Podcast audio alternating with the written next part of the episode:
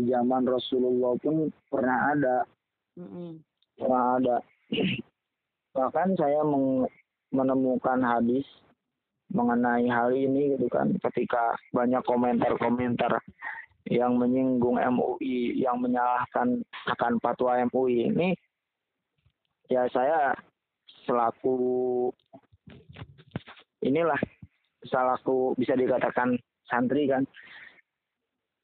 ini mencobalah mencari mencari sumber-sumber dari fatwa MUI yang pada akhirnya bisa menemukan sebuah hadis di kitab Al-Bukhari jilid 3 hadis ke 3474 Mm-mm.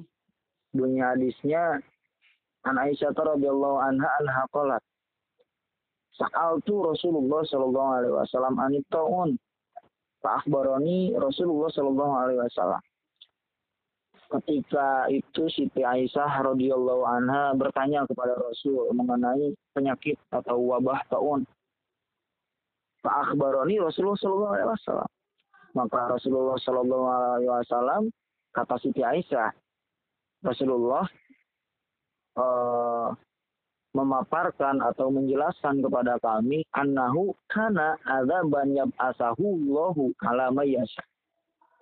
Bahwasanya taun adalah sebuah azab sebuah siksa, sebuah azab yang Allah utus yang telah Allah utus bagi orang yang Allah kehendaki. Mm-mm. Faja'alahu rahmatan lil mu'minin. Mm-mm.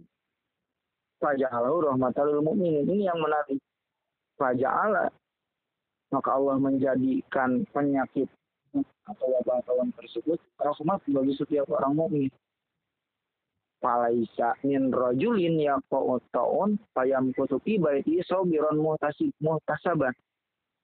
Kataballahu lahu illa kana lahu mithlu ajrin syahid. Ini yang menjadi yang eh, apa ya namanya? Yang sesuai dengan keadaan kita se- sekarang. Falaisa min rajulin yaqa'u ta'un maka ketika seseorang yang dalam keadaan dalam keadaan merebaknya virus kalau dulu tahun kan Mm-mm. bisa kita kiaskan sekarang virus corona ketika dulu eh, ketika ada seseorang dalam waktu penyebaran virus corona dia berdiam diri di rumah payang tutupi baiti berdiam diri di rumah dalam keadaan sobiron sobar muhtasaban dan berharap pahala kepada Allah. Dan berharap kepada Allah. Dan dia yakin bahwasanya tidak akan menimpanya kecuali apa yang telah ditetapkan untuknya. Ini yang pertama, yang kutubi baiti merupakan merupakan ikhtiar dohir. Sobiron ikhtiar batin. Dan keyakinan akan dijauhkannya dari penyakit oleh Allah adalah sebuah bukti ketawakalan. Maka ini lengkap ya. Mm-mm. Tawakalnya ada, ikhtiarnya ada, dohir dan batin. Maka kata Allah lahu illa kana lahu bisu ajrin syahid. Maka Allah akan menetapkan baginya pahala orang yang mati syahid. Walaupun dia dalam keadaan masih hidup. Dalam keadaan Tidak, tidak mati pada saat terpaparnya virus. Nah, ketika kita kiaskan kiaskan kepada sekarang. kepada waktu yang sekarang, alangkah baiknya lah kita menaati apa yang telah ditetapkan oleh MUI. Karena Gitu di kan? rumah aja udah dihukumi sebagai syahid. Karena di rumah aja, iya, Mm. telah dihukumi sebagai syahid. Dalam catatan, dibarengi dengan kesabaran, dibarengi dengan uh, mengharap pahalanya, dan dibarengi dengan keyakinan dan tawakal kepada Allah Subhanahu wa taala. Nah, masih ada kelanjutannya bahwa hadis tersebut adalah hadis yang sahih yang sesuai dengan syarat Al-Bukhari. Mm. Bahkan Ibnu Hajar rahimahullah Ibnu Hajar rahimahullah berkata konsekuensi mantuknya atau makna eksplisitnya hmm. dari hadis tadi orang yang mem yang memiliki sifat yang disebutkan tadi akan mendapatkan pahala syahid walaupun tidak meninggal dunia dan ini dicantumkan dalam kitab Fathul Bari. Nah, hmm. ya kan sampai sini bisa memahami kan bahwa fatwa yang itu bukan fatwa yang seenaknya. Si seenaknya itu bukan sanggana dewek ngaliarkan fatwa kan tetapi ya sudah dengan pertimbangan. sudah dengan perhitungan gitu kan. Bahkan ada lagi yang yang ini ya. yang memberikan materi. Ada yang memberikan materi kepada saya bahwasanya bahkan dulu pun pernah terjadi penyakit semacam yang terjadi sekarang ini. Dan adalah? Seperti ya keadaan yang sekarang ini. Oh. Maksud dalam keadaan seperti ini di dalam kondisi yang menegangkan seperti ini dalam kondisi yang ya sangat dipenuhi dengan ketakutan akan terjangkit virus kalau orang-orang orang-orang banyak orang-orang malah mengadakan kerumunan-kerumunan masa mm-hmm. yang di sana di kerumunan masa tersebut dilaksanakan membaca surat nuh dibaca, di, non, dibacakan lagi dikir-dikir dan yang doa-doa yang lainnya bahkan membacakan surat nuh sebanyak tiga ribu lebih lah. Mm-hmm. Itu untuk tiga ribu lebih. Meminta itu hmm, untuk berdoa untuk meminta umat Islam terutama yang ada di sana dijauhkan dari penyakit yang menyebar pada waktu itu. Hmm. Yang pada akhirnya yang pada akhirnya bukan penyakitnya yang hilang, malah bertambah. Malah ya penyebaran penyakit tersebut semakin meluas. Hmm. Bahkan sampai-sampai yang meninggal pun begitu begitu banyak lah. Mm Nah, setelah kejadian itu, setelah kejadian itu karena meninggalkan ikhtiar dohir, meninggalkan ya ikhtiar dohir maksud ikhtiar dohir, meninggalkan sesuatu yang dapat menyebabkan terjauh dari penyakit tersebut secara dohir seperti menjauhi kerumunan massa, mereka tidak melaksanakannya. Sehingga kembalilah dibuat dibuat apa dibuat dibuat kumpul kumpulan massa di sana dilaksanakan uh, khotib membacakan kunut nazilah bahkan dilaksanakan puasa tiga hari karena masih mengumpulkan massa, karena masih ada kontak fisik antara manusia, sehingga penyebarannya semakin meluas, bahkan tingkat kematian pun lebih besar dari yang awal. Hmm. Nah dari sana kita harusnya kita bisa belajar, bisa belajar lah, bisa belajar. Oh iya sumbernya dari kitab uh, Fadlut Taun kalau nggak salah. Hmm. Nanti saya lihat lagi ya. Iya kalau nggak salah saya lupa soalnya dan ternyata Sumbernya. kita bisa bisa belajar eh, nggak uh, jauh-jauh gitu ternyata dari ya, sejarah jauh -jauh. Nah, sejarah diri sendiri sejarah Islam sendiri itu banyak nah hmm. itu kan iya kalau kita berpijak di sana gitu harusnya harus kita sebagai seseorang muslim, seseorang yang harusnya taat taat itu termasuk taat Amirul Mukminin kan mm -mm. Nah, Amirul Mukminin kepada Sultan maaf Sultan mm. uh, ya kan harusnya kita taat gitu kan dan ketika kita harusnya harusnya gitu menurut saya pribadi ketika mm mendengar suatu fatwa dari MUI yang menurut kita bertentangan dengan apa yang kita ketahui mm-hmm.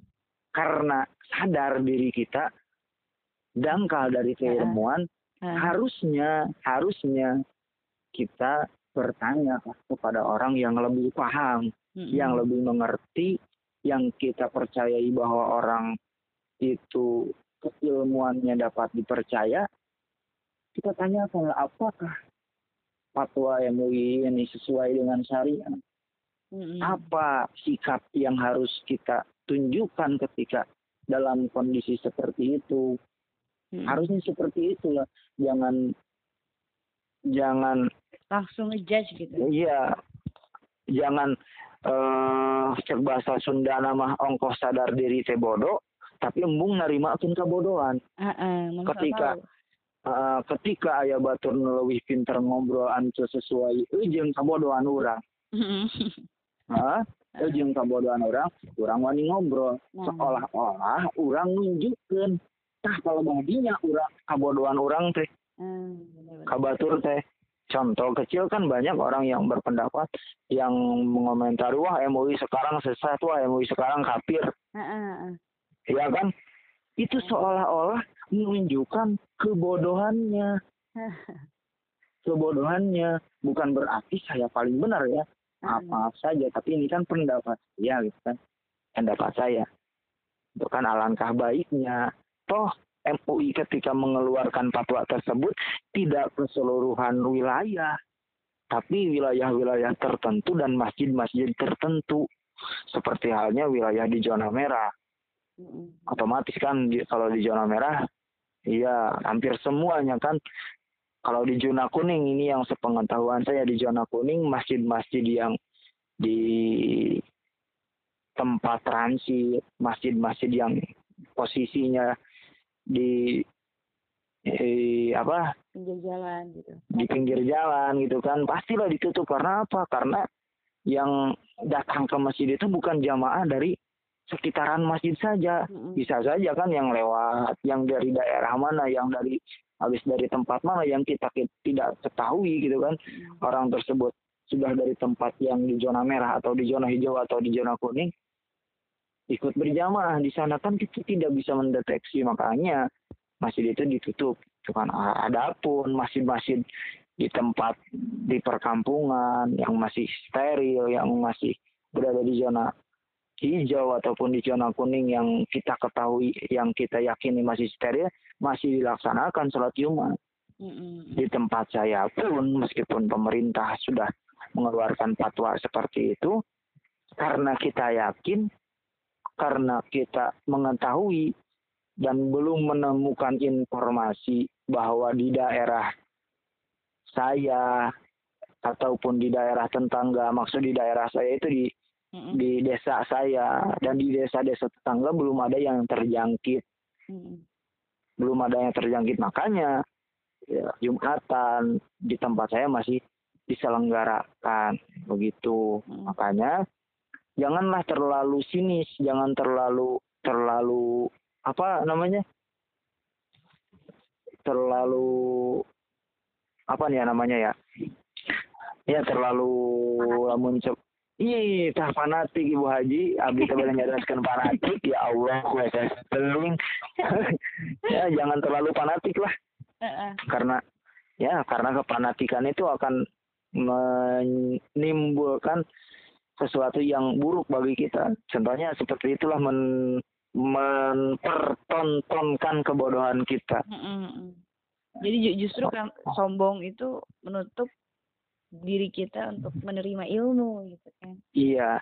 Bahkan kalau kalau ahli ilmu seperti ini ketika kita ngaji semakin tinggi maka uh, diri itu bukan merasa semakin pintar. Mm-mm, semakin bodoh. Tapi merasa diri semakin bodoh uh. oh iya. Gening dek teh akar kapal uh. tuh. Ya.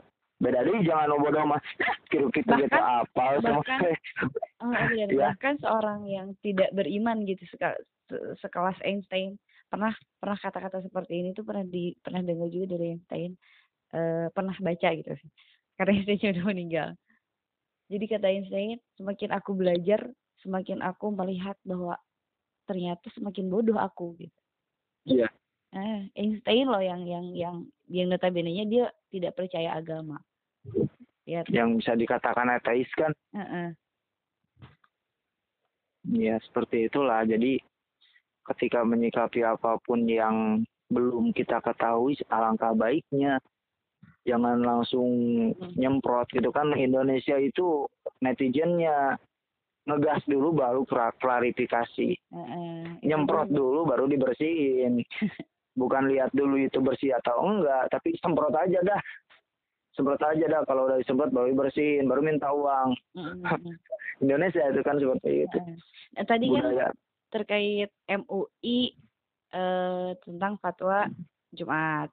Nah ya. sekarang ada lagi eh, Kiai Ma'ruf Amin, wakil presiden kita eh, meminta mengeluarkan fatwa lagi tentang wudhu dan sholat gitu ketetapan wudhu dan sholat yang akan dijalankan oleh para tim medis. Karena kan yang seperti kita tahu tim medis harus pakai APD ya namanya. Alat pelindung diri itu? Iya sempat baju, baca juga. Uh, uh, baju astronot itu. Uh, badai ngapung kan ya. ya karena ya, mereka ya. bener harus harus pakai itu gitu. Dan harus melepasnya itu harus cuci tangan beberapa kali gitu. Dan itu sekali pakai gitu sekali pakai. Dan APD ini for your information uh, bagi yang belum tahu misalnya APD ini susah banget didapatkan sekarang di dunia di mana pun. Karena emang bener-bener oh, semua orang semua negara itu lagi butuh itu gitu. Yeah. jadi jadi susah dan harganya pun mahal. Satu APD itu kata guru saya lima ratus ribu. Satu baju Padahal itu. ma sedangkan hujan aja atun kan menurut tidak karena berlapis-lapis. Ah itu tuh. Iya, nggak satu iya, iya. lapis uh, dan kalau udah di kalau udah dipakai itu harus langsung dibuang gitu. Nggak bisa dipakai lagi. Jadi nah itu kan jadi memberatkan ya. Ini waktunya sholat nih gimana? Sedangkan kan pasien kita nggak bisa kontrol gitu. Kita aja yang orang awam yang bukan dari ahli medis bisa mikir gitu oh, oh yang datang pasien itu kan sakit nggak kenal waktu gitu kan iya nah itu gimana coba sebetulnya sebetulnya saya juga sempat baca sih artikel tersebut di mana dituliskan di sana eh di sana dituliskan bahwa Ma'ruf Amin meminta kepada MUI untuk mempatuakan sholat tanpa wudhu dan tayamum. Mm-hmm. Itu kan? Mm. Sholat tanpa wudhu dan tayamum untuk para tenaga medis yang memakai APD. Hmm. Sebetulnya ini masih sama berkaitan dengan dengan ikhtiar dohir dengan ikhtiar dohir Sam, hampir sama lah mm ilatnya hampir sama dengan dengan tadi jumatan di cancel diganti dengan dengan sholat duhur karena dapul dapul mapasid aula kan menolak kemandaratan itu kan lebih utama. Nah, ketika ketika ada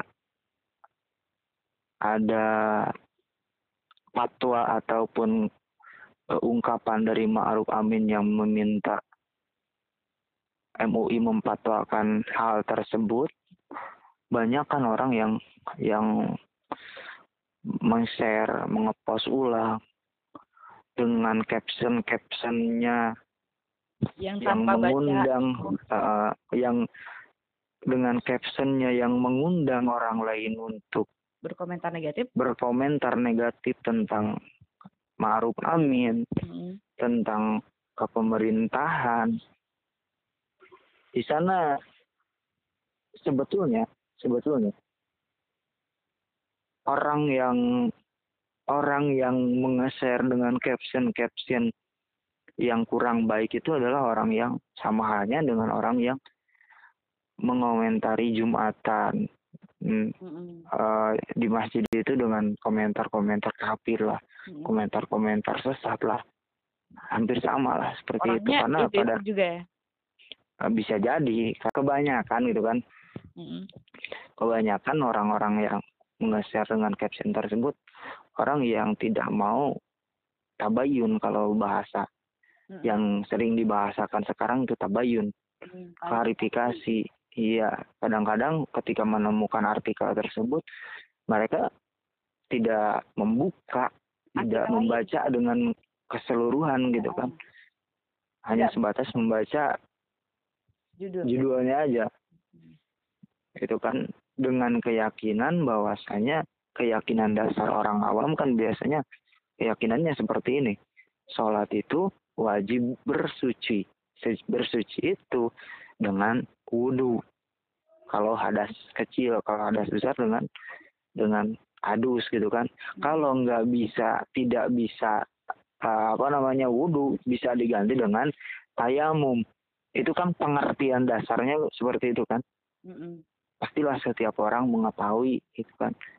Uh, lamun arek salate kudu wudhu, lamun teu bisa wudhu diganti ku tayamum. Itu pengertian dasar rata-rata orang mengetahui amalnya sampai di sana gitu kan keawaman orang nah ketika muncul uh, hal tersebut ketika dibaca oleh orang awam nah iya mau bertentangan jeng naon anu kapaham kurang wah sesat hmm.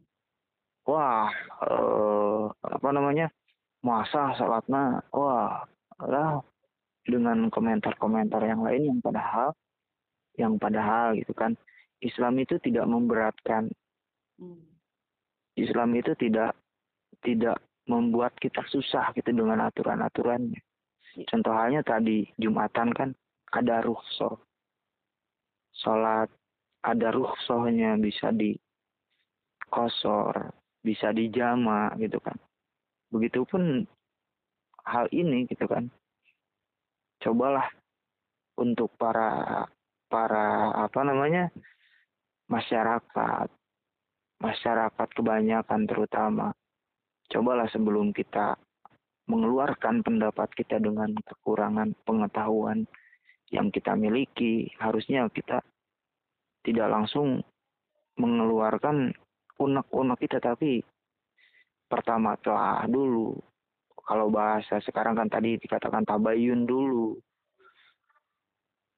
Perjelas dulu. Kalau kita tidak bisa tabayun sendiri maka tanyakan dulu kepada orang yang lebih mengerti.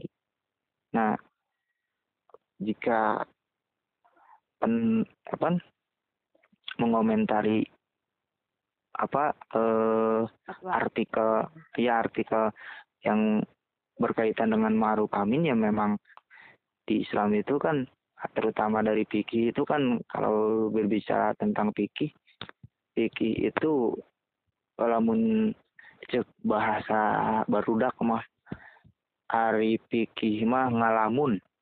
Ngalamun Iya kan kadang-kadang pertanyaan nanti untuk ke hati ku akal. Hmm. untuk ke hati ku akal bukan untuk ke hati ku akalnya jadi perta banyak banyak pertanyaan-pertanyaan di pikir itu yang yang nyeleneh gitu. Hmm, hmm Maksud nyeleneh teh seperti kan kieu. Kumaha lamun orang Islam eh non teh? Namina teh orang Islam naik ke karena satelit cina kumaha salatna malika mana? Uduna kumaha? Pernah basul masail mengenai hal-hal nyeleneh nyeleneh seperti itu. Bahkan kebanyakan gitu kan hal-hal nyeleneh yang seperti itu yang yang enak dibahas itu kan hal-hal baru lah. Begitupun halnya seperti seperti kejadian saat ini ketika seseorang sang perawat memakai APD yang lengkap APD yang langka APD yang harus tetap kita pakai dalam kondisi perawatan kepada pasien. Yang ketika kita buka ya harus harus harus sekali pakai gitu kan? Mm -hmm. harus pak sekali pakai. Maka ketika datang waktu sholat contoh kecil ketika datang waktu sholat duhur. Kalau kita melaksanakan wudhu otomatis dibuka. Hmm. Otomatis dibuka diganti lagi ketika datang waktu asar. Diganti lagi ketika datang waktu maghrib diganti lagi. Isya diganti lagi subuh diganti lagi. Dan begitu seterusnya. Dan begitu seterusnya. Nah dalam kondisi seperti itu yang haruskan mengganti tiap datang waktu sholat, sedangkan persediaan dari setiap negara pun terbatas, bahkan menjadi hal yang langka kan? Hmm. barusan juga maka maka di sana sebaiknya gitu kan? Hmm. baik sebaiknya jika eh, kita menapikan langkahnya gitu kan? Jika apa eh, persediaan APD kita cukup banyak gitu kan? Eh, kita dalam sesi lain ini menghayal kan? Menghayal dalam dalam sesi menghayal nih. Namun misalkan APD pakai bahasa Sunda bisa kan? Kalau misalkan APD nak iyo orang teh ngalamunnya itu judulnya ngalamun lah sekat lah tadi. Ngalamun lah ya. Namun APD nak seluruh kene misalkan na ya APD nak stok kita banyak. Stok kita banyak.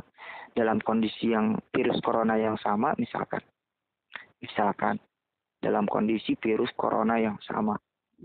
Dan sebahaya itu yang sama sebahaya yang sama gitu kan nah, ketika kita setiap ganti waktu sholat ganti APD maka kita belum bisa uh, kita kan belum bisa memprediksi sampai kapan -uh.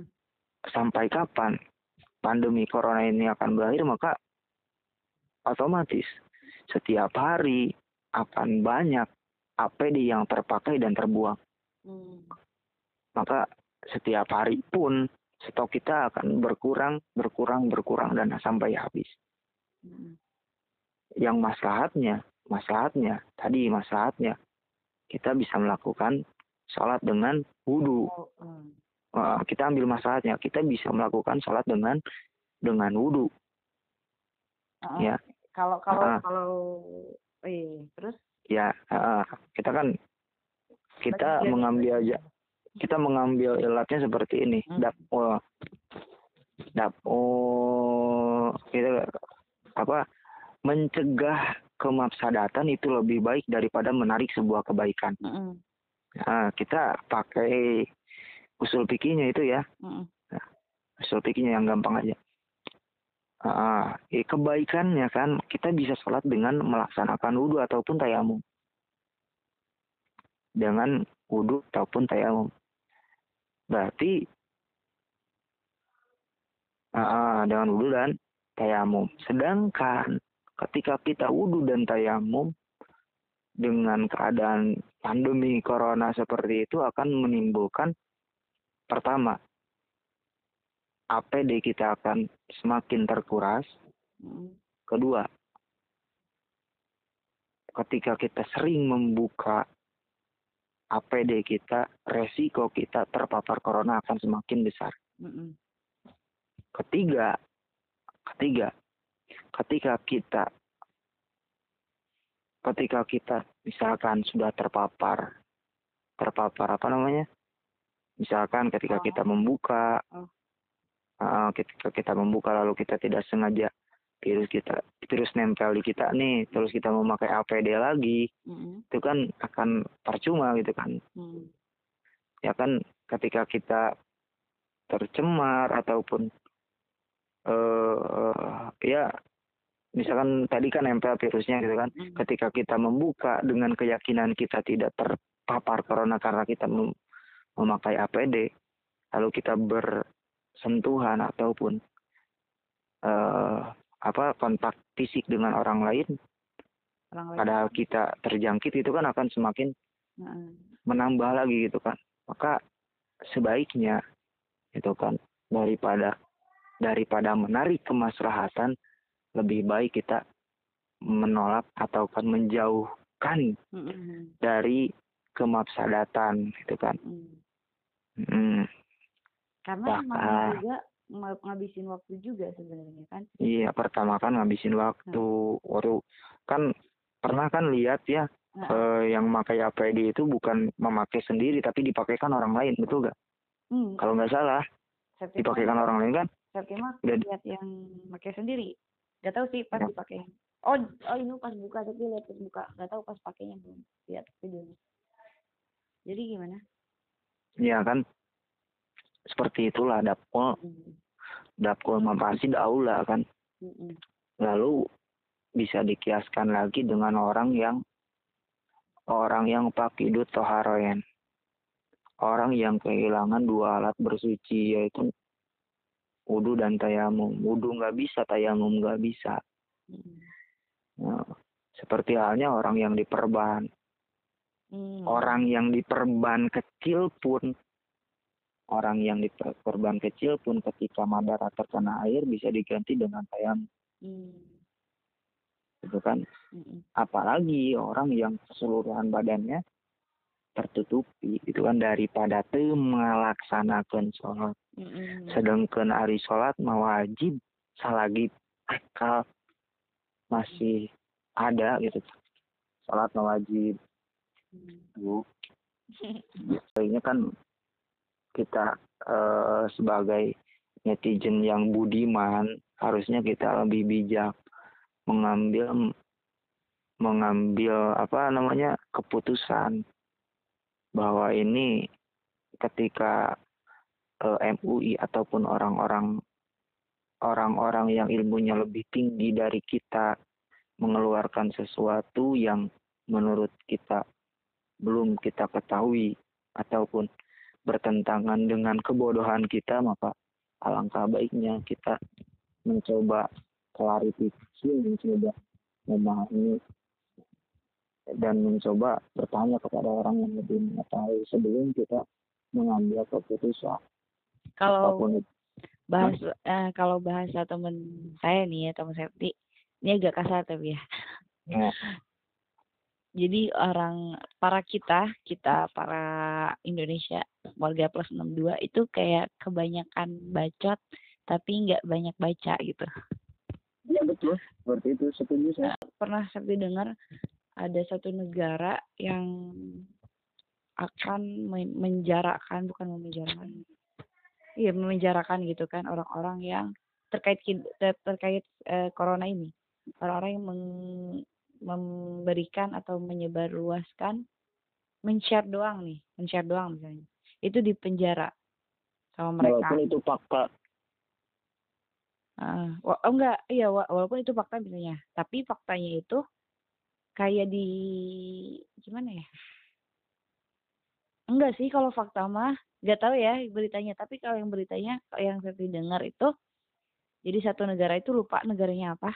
Lupa dan bilang uh, mengeluarkan kebijakan kalau orang-orang yang menyebarluaskan berita hoax terkait dengan COVID-19 atau coronavirus ini bisa dipenjara gitu.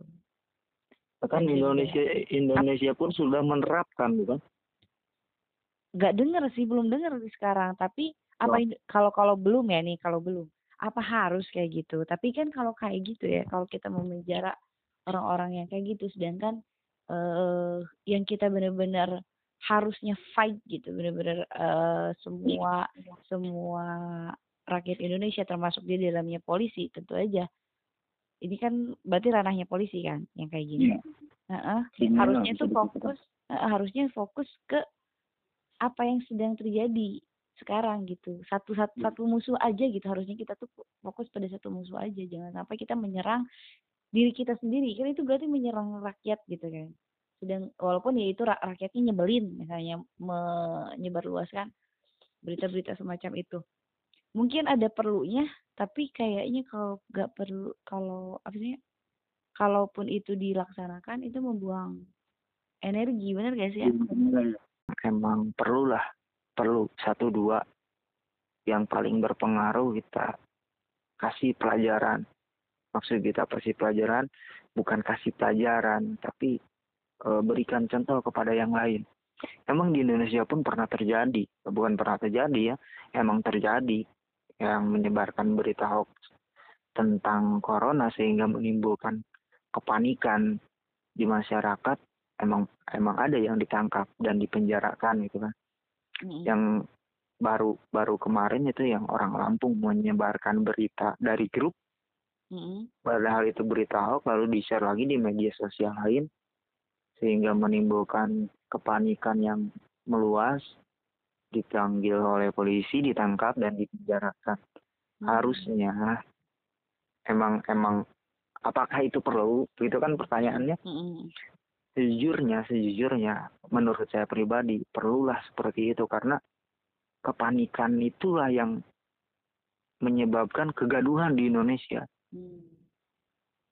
kepanikan itu yang menyebabkan kegaduhan Indonesia di samping itu ketika kita panik dalam kondisi panik menurut uh, apa pernah baca artikel gitu kan Hmm. Salah satu penyebab turunnya imunitas kita itu ketika kita panik. dalam keadaan panik gitu kan. Hmm. Iya. Ketika imun kita berkurang lah semakin besarlah peluang kita untuk terjangkit virus itu. Hmm. makanya selain kepanikan itu sendiri gitu kan bahaya dari timbulnya kepanikan itu juga cukup cukup cukup besar gitu lah. Mm-hmm. Bahkan dari kepanikan itu kan bukan cuma panik menghadapi virusnya saja, bahkan dampak dari kepanikan itu banyak orang yang borong ini, borong itulah, borong masker lah, borong bahan pangan lah. Mm-hmm. Takut nah, terkait itu ah, terkait gitu. Yang menimbun masker itu banyak sekali kan sekarang. Nah. Masker susah banget uh, dicari dan kalaupun ada uh, itu mahar, harganya nggak nggak wajar nggak berakhlak gitulah harganya nah namun cek bahasa sih ah uh, itu hukum hukumnya sih ya orang-orang yang menimbun menimbun seperti itu terus dia jual dengan harga yang mahal maaf ya mungkin ini kekesalan pribadi tapi lebih benar gak sih dia eh, maksudnya salah gak sih ketika kita bilang orang-orang yang menimbun ini adalah sedang mencoba untuk membuat dia kaya dengan cara membunuh orang lain. Memang memang menimbun itu hukumnya haram. Hmm. Haram menimbun dan menjual dengan harga yang lebih. Hmm. Kenapa? Karena pertama itu kan e, pada dasarnya keriduan antara si penjual yang memberikan barang dagangannya dan si pembeli yang membeli dagangan dan menyerahkan alat penukarannya. Harus ada ridho gitu kan. Harus ada ridho di keduanya. Kenapa harus ada ridho?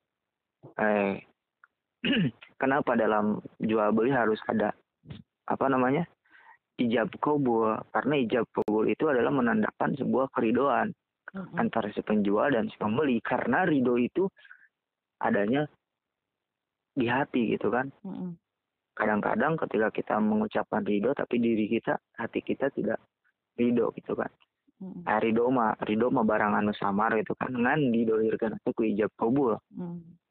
Ijab kabul gitu kan nah dalam kondisi sekarang ketika banyak uh, penjual-penjual masker yang menimbun bahkan bukan cuma penjual banyak orang yang sengaja menimbun masker lalu menjual dengan harga mahal pertama stok masker akan berkurang karena dia timbun. Yang kedua, menjual dengan harga harga mahal itu kan seolah-olah hanya menjual kepada kalangan orang yang mampu membeli saja. Hmm. Sedangkan orang yang tidak mampu membeli dengan harga harga yang ditaktorkan itu adalah menandakan sebuah keridoan hmm. antara si penjual dan si pembeli karena ridho itu adanya di hati gitu kan kadang kadang-kadang ketika kita mengucapkan ridho tapi diri kita hati kita tidak ridho gitu kan mm. eh, ridho mah ridho mah barang anu samar gitu kan ngan didolirkan itu ku ijab kabul mm. ijab kabul gitu kan nah dalam kondisi sekarang ketika banyak uh, penjual-penjual masker yang menimbun bahkan bukan cuma penjual, banyak orang yang sengaja menimbun masker lalu menjual dengan harga mahal. Pertama, stok masker akan berkurang karena dia timbun. Yang kedua, menjual dengan harga harga mahal itu kan seolah-olah hanya menjual kepada kalangan orang yang mampu membeli saja. Hmm. Sedangkan orang yang tidak mampu membeli dengan harga harga yang ditaktorkan, dia hal contoh lah menjual tiga kali lipat. Orang yang tidak mampu membeli tidak orang yang mampu beli pun akan terpaksa membelinya. Nah, di dalam jual beli itu harusnya tidak ada kata terpaksa. Hmm. Tidak ada terpaksa. Ketika ada kata terpaksa, hilang semua keridoan. Hmm. Nah, ibarat safety, beli gorengan. Camnya nggak ada, ada gorengan. Biasa ada harga di gorengan teh dua ribu tilu saatan anak. Mm -hmm. Yo setting ada arti lu badan awur gorengan cek tukang gorengan udah gorengan di abdi malah lima ribuan hiji mm-hmm. dengan bentuk gorengan yang sama dengan rasa gorengan yang sama dengan kualitas gorengan yang sama dengan dua ribu tilu mm-hmm. maka di sana siap pasti terpaksa terpaksa dibeli bayar lima belas ribu dengan hati yang berat dengan hati yang terpaksa.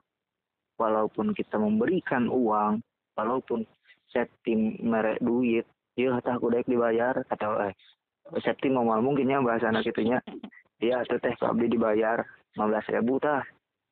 Misalkan. Ku abdi dibayar 15 ribu adalah bentuk bentuk apa? Bentuk keridoan eh bentuk bentuk ijab kabul yang harusnya menandakan keridoan. Mm -hmm. Kan tetapi dalam kondisi tersebut keridoan tidak ada, walaupun adanya ijab kabul. sampai sini meren arti ya. makanya gitu kan dampak dari kepanikan itu kan wah bahkan kemarin kemar kemarin malam kemarin ada apa eh, perangkat desa yang yang eh, menganjurkan diadakannya lagi siskamling karena siskamling untuk menjaga keadaan dari dari lingkungan utamanya lingkungan desa, lingkungan RT, lingkungan perkampungan, menjaga pertama dari adanya orang yang masuk, kedua dari adanya tindak kriminal. Adapun itu tindak kriminal seperti pencurian ataupun yang lainnya karena dalam kondisi seperti ini ekonomi kita sedang sulit, ekonomi kita sedang susah, usaha kita sedang contohlah sedang sedang di blok mm. maka akan timbul sesuatu yang uh, sesuatu pemikiran-pemikiran jahat gitu loh mm. karena pada dasarnya uh, kefakiran itu bisa menimbulkan kekufuran mm. Mm. dalam kondisi-kondisi tertentu kan dalam kondisi-kondisi kepepet bisa wae kan mm. nyuri mah gitu kan eueuh eueuh teuing dahareun mah gitu hmm. ya dampak kepanikan dari dari berita-berita hoax itu enggak uh, sepele enggak sepele gitu kan hmm. terus ini terkait yang tadi ini jadi jadi ingat yang statement dari si bapak yang bapak Jubir kan bener kan ini yang video ini iya Jubir Jubir Kem Kemen Kemenkes.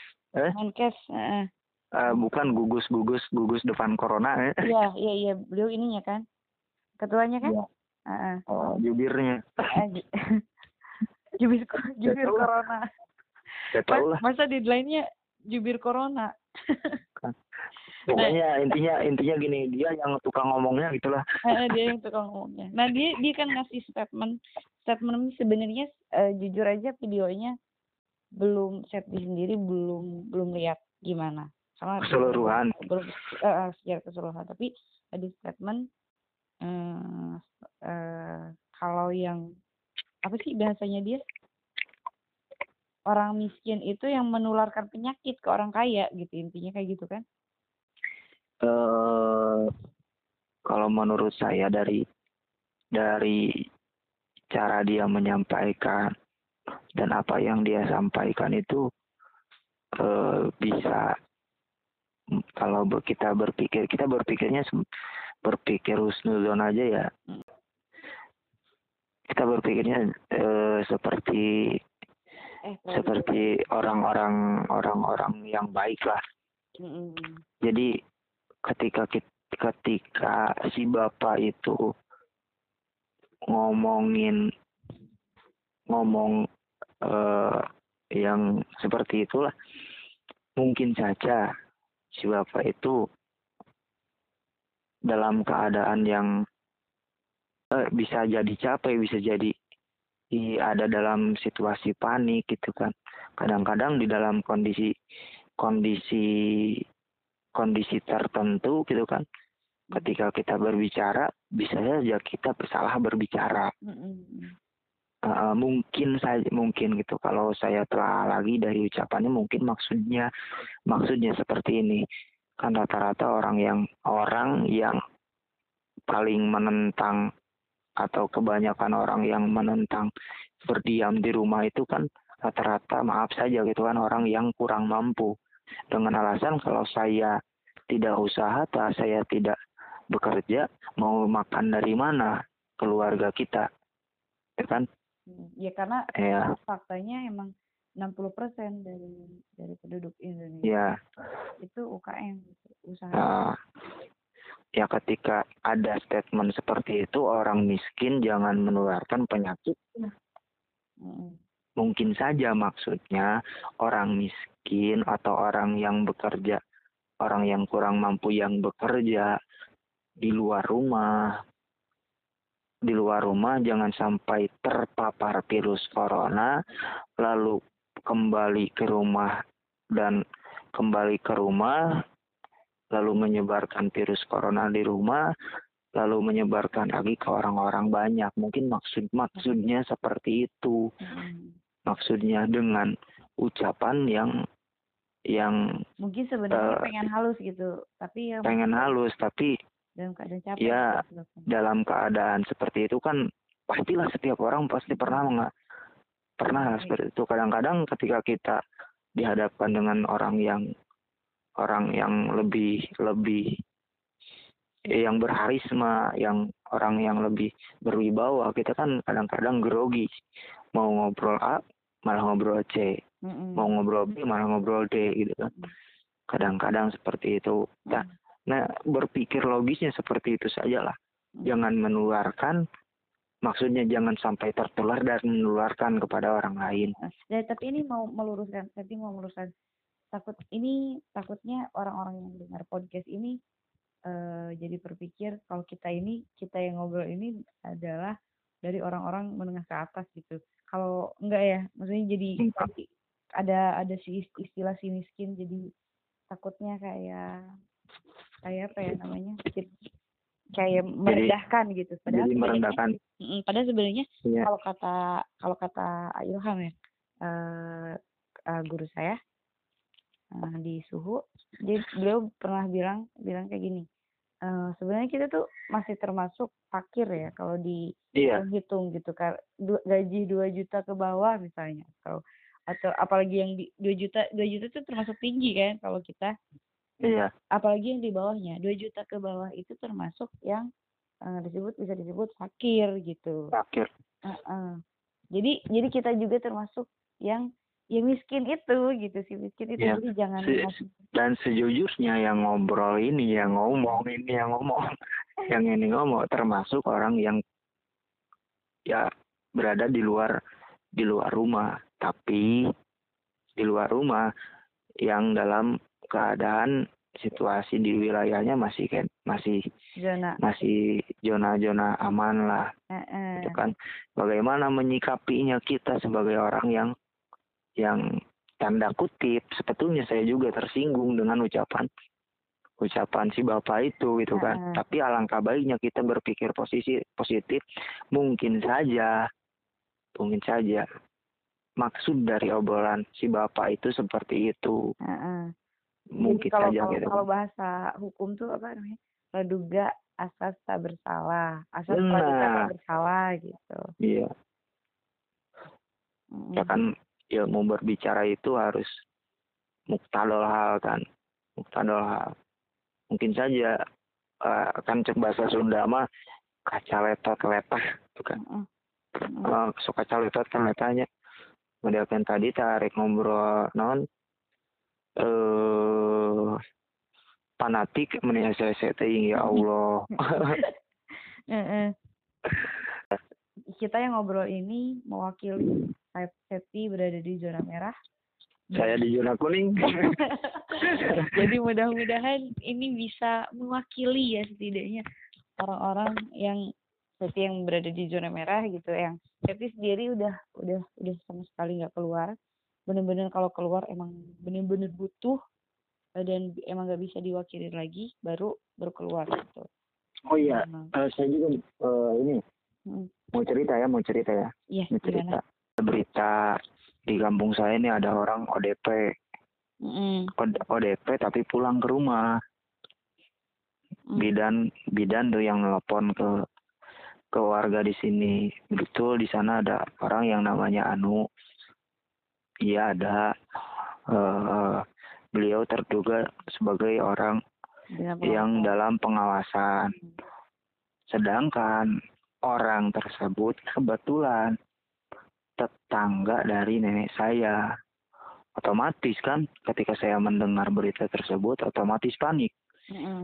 Otomatis wah oh iya kudu kumaha wah iya kudu kumaha sehingga timbullah pemikiran uh, keluarga yang di sana ungsiin ke sini langsung semua uh, iya kan sempat berpikiran seperti itu kan cuman cuman alangkah baiknya kan diklarifikasi dulu pagi-pagi kita datangin bidan yang masih beritanya ternyata salah paham.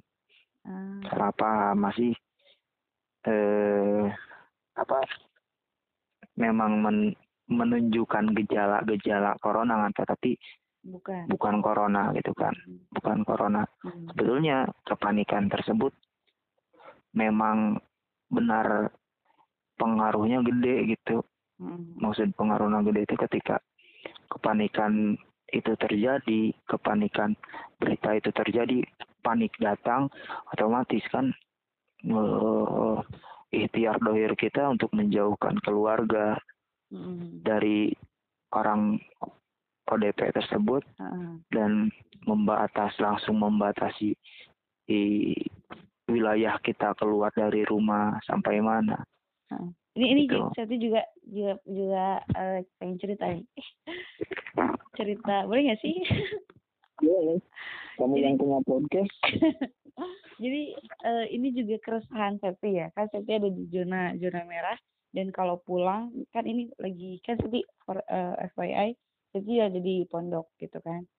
Di pondok uh, kalau kan kemarin ada uh, surat edaran dari PBNU uh, terkait santri yang harus dipulangkan gitu. Edaran oh. itu kayak himbauan doang bukan harus gitu. Nah, jadi uh, kalaupun itu kemarin tuh mikir kayak gini, kalau harus pulang berarti Septi dari zona merah ke zona aman gitu ya kan.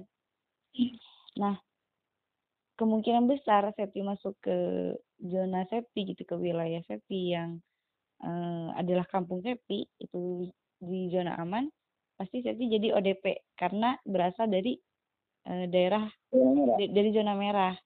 Uh, pasti jadi ODP apalagi kalau uh, apa namanya ada ada gejala gitu. Nah dari sana mulai nanya nih, mulai nanya-nanya karena takutnya kayak gini, oh dia ODP tadi kayak kayak Ambu, Ambu hmm. bilang, oh ODP terus saya dijauhin gitu kan, takutnya kayak gitu juga kan, mikir mikir, wah juga juga mikirnya uh, emang takut kena juga, takut kena gimana kalau kena terus nanti uh, nularin ke orang rumah gitu. Nah takutnya kayak gitu. Nah mulai nanya-nanya, mulai nyari tahu gimana nih eh, apa namanya kalau pengen pulang ke eh, ke zona aman gitu dari zona merah ada satu wali santri nih dia cerita jadi dia pernah dari Bogor nah dia dia dari Bogor bener dari zona merah dia pulang ke Bandung padahal Bandung juga termasuk uh, zona, merah. mm -mm. tapi dia jadi ODP di sana. Dia jadi ODP ODP kenapa dia ODP karena dia uh, menunjukkan gejala COVID. Jadi apa namanya uh, uh, kayak kayak apa sih gejala-gejala COVID itu uh, sesak napas. Sesak napas batuk gitu kan. Suhu tubuh tinggi. Uh, uh, panas. Nah dia tuh menunjukkan hmm. kayak gitu dia selama 14 hari mengkarantina diri sendiri. Jadi ODP harus diedukasi juga ke orang-orang.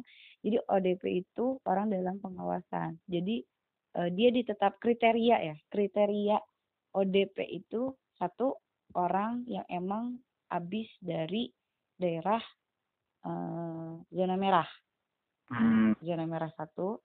Yang kedua dia bergejala gejalanya itu itu covid tadi yang pan yang panas terus sesak napas terus um, apa lagi? Dan yang lain-lainnya. Dan lain-lainnya. Nah itu biasanya pasti bakalan jadi ODP iya. Jadi nanti ditanya-tanya kayak gimana gimana nya gitu. E, gimana selama nah selama 14 nah orang dengan ODP ini kan belum ter, belum positif corona kan? Dia masih yeah. ODP karena si si corona gejalanya itu mirip sama flu biasa. Ini yang susahnya. Nah, di ODP ini orang dengan pengawasan ini dia enggak ke ke apa namanya enggak dibawa ke rumah sakit tapi dia mengkarantina dirinya sendiri di rumah dengan menjauhi orang rumah dia misalnya di kamar atau di mana gitu jadi jangan dulu keluar dia sendiri aja dulu gitu jangan dulu keluar rumah juga sampai 14 hari ke depan. Kalau kalau selama 14 hari itu dia membaik, berarti dia aman. Aman, udah jadi nggak ODP lagi gitu. Udah jadi biasa lagi. Tapi kalau 14 hari ke depan dia udah muncul lebih parah misalnya gejala-gejalanya, berarti dia udah masuk ke PDP. Pasien hmm. dengan pengawasan. Pasien eh, pasien dengan pengawasan. Pengawasan itu berarti kalau PDP itu bukan berarti dia harus ke rumah sakit bukan ternyata dia kontrol. bisa, uh, tetap masih bisa di rumah cuman lebih ditanyain lagi uh, kayak misalnya tiap hari ditelepon ini sama si puskesmasnya atau sama pihak medisnya gimana bu? Ada perubahan apa apa apa? Terus nanti dicek baru kalau misalnya uh, udah makin lama makin parah dia dicek keluar ceknya misalnya udah dikonfirmasi kalau nggak salah itu dites di tes COVID itu keluarnya lima hari ya. Lima hari dan tesnya itu lima ratus ribu. Tapi karena ini mau nggak mau pandemik ini ada menyebar jadi digratiskan pastinya sama pemerintah. Keluar nih misalnya dia konfirmasi dikonfirmasi dia eh, apa namanya? Apa sih namanya? Eh, COVID COVID. Dia, ya, COVID, COVID. eh, eh. makanya nah dari sana dia dijemput dari rumahnya dijemput uh, dibawa ke rumah sakit. Jadi dia nggak nggak jadi itu kalau kalau pengen lebih detailnya kamu bisa lihat kalian semuanya yang dengar bisa lihat uh, videonya Pak Emil ya Kang Emil. Nah itu dijelasin gimana gimana teknisnya. Jadi enggak si kita tuh si ODP dan si PDP itu emang harus mengkarantina dulu dirinya di rumah gitu. Uh, di rumah sendiri nggak langsung nggak uh, langsung ke rumah sakit. Rumah sakit. Karena ada tak paham. uh, karena takutnya pertama di rumah sakit itu banyak banget pasiennya. Uh, juga penanganan kalau banyak kan penanganan jadi jadi enggak enggak ini enggak stabil. Takutnya yeah. yang kedua enggak stabil, enggak maksimal. Yang kedua, eh, kalaupun ternyata dia cuman gejala dan ternyata dia tidak tidak tidak positif, datang ke rumah sakit, sedangkan rumah sakit itu menangani yang yang positif positif bisa jadi kan dia positif. Ma, gitu. Iya. Nah, eh, padahal dia awalnya belum gitu. Nah, takutnya kayak gitu makanya atau mungkin bisa jadi pas di jalan ya kan pas di jalan dia terkena. Atau mungkin dia terkena nih dia udah positif sebenarnya tapi belum belum dikonfirmasi uh, belum dites. Pas dia di jalan dia dia jalan ke rumah sakit eh dia ternyata di jalan itu menularkan ke orang-orang yang dia lewatin gitu. itu kan berarti uh, tidak bijaksana gitu untuk untuk langsung ke rumah sakit. Makanya di prosedurnya kayak gitu. Jadi sebenarnya ODP nggak perlu di ini ya nggak perlu kita khawatir gitu ODP oh ada ODP gitu. Di sini di daerah kita. Ini takutnya Septi juga kayak gitu loh. Septi takut pulang iya kan? Yang yang menjadi membuat panik itu kan uh, dia itu cerita. Uh, saya habis dari rumah sakit. Di rumah sakit saya disuruh dirawat. Suruh dirawat karena ya dia itu juga cerita keluhan ke rumah sakit itu saya sesak napas. Saya itu ya semacam gejala-gejala covid gitulah. Mm lalu setelah dia pulang ternyata orang rumah sakit nelpon ke orang orang puskesmas. Orang puskesmas nelpon ke tempat uh, apa ke, ke